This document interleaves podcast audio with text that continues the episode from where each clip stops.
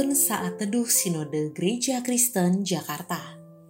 Kamis 14 April 2022 Judul Renungan Berserah kepada Tuhan. Diambil dari kitab Mazmur nomor 56 ayat 10 sampai 12 Maka musuhku akan mundur pada waktu aku berseru. Aku yakin bahwa Allah memihak kepadaku.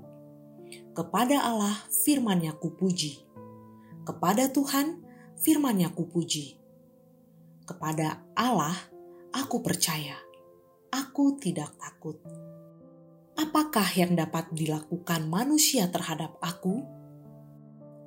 Berserah kepada Yesus, tubuh, roh, dan jiwaku. Ku kasihi, ku percaya, ku ikuti dia terus Aku berserah.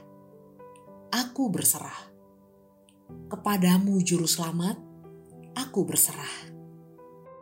Lagu ini dituliskan oleh seorang Amerika yaitu Judson Wheeler van Devender tahun 1855 hingga 1939. Judson menciptakan lagu ini saat ia memberikan dirinya menjadi seorang hamba Tuhan penuh waktu Judson mengetahui bahwa menjadi murid Kristus yang sejati akan ada banyak tantangan. Akan tetapi, ia tidak mau menyerah, melainkan menyerahkan seluruh kehidupannya kepada Tuhan. Tidak ada satu tempat pun di dunia ini yang bisa memberikan rasa aman. Daud yang berpikir bahwa dengan lari ke tanah Filistin akan aman, bebas dari masalah, tetapi ternyata justru ia mengalami masalah yang besar.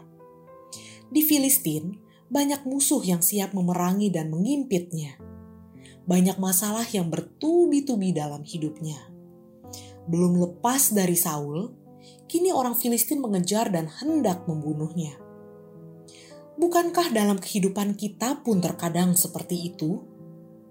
Kita diperhadapkan dengan masalah yang datang silih berganti satu masalah disusul dengan masalah yang lain. Firman Tuhan hari ini mengajarkan kepada kita apa yang seharusnya kita lakukan saat menghadapi masalah silih berganti dalam kehidupan ini. Dalam Mazmur ini dinyatakan bahwa ketika Daud menghadapi situasi yang sulit, ia berseru kepada Allah, memohon pertolongannya. Daud menyadari bahwa dengan berseru kepada Allah, ia akan mendapat kekuatan baru. Ia tahu bahwa Tuhanlah satu-satunya yang dapat menolongnya. Daud tidak hanya berseru kepada Tuhan, tetapi ia juga percaya kepada Allah. Daud memiliki iman yang teguh dalam Tuhan, dan atas dasar inilah Daud tidak mencari pertolongan lain selain daripada Allah. Daud yakin bahwa Tuhan ada bersamanya, menolong dan menguatkannya. Banyak orang yang berkata dia sudah beriman, berdoa, tetapi setelah itu masih merasa ragu apakah Tuhan adalah penolong bagi dirinya. Mari kita belajar dari Daud.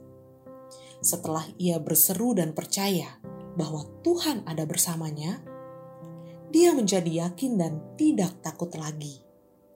Ini artinya ada sebuah tindakan iman yang dia lakukan. Kita juga harus membuktikan iman kita kepada Tuhan dengan terus percaya dan berserah kepadanya. Berserahlah kepada Tuhan, karena Dia tahu kelemahan kita, dan Dia adalah penolong yang ajaib bagi kita. Terpujilah nama Tuhan.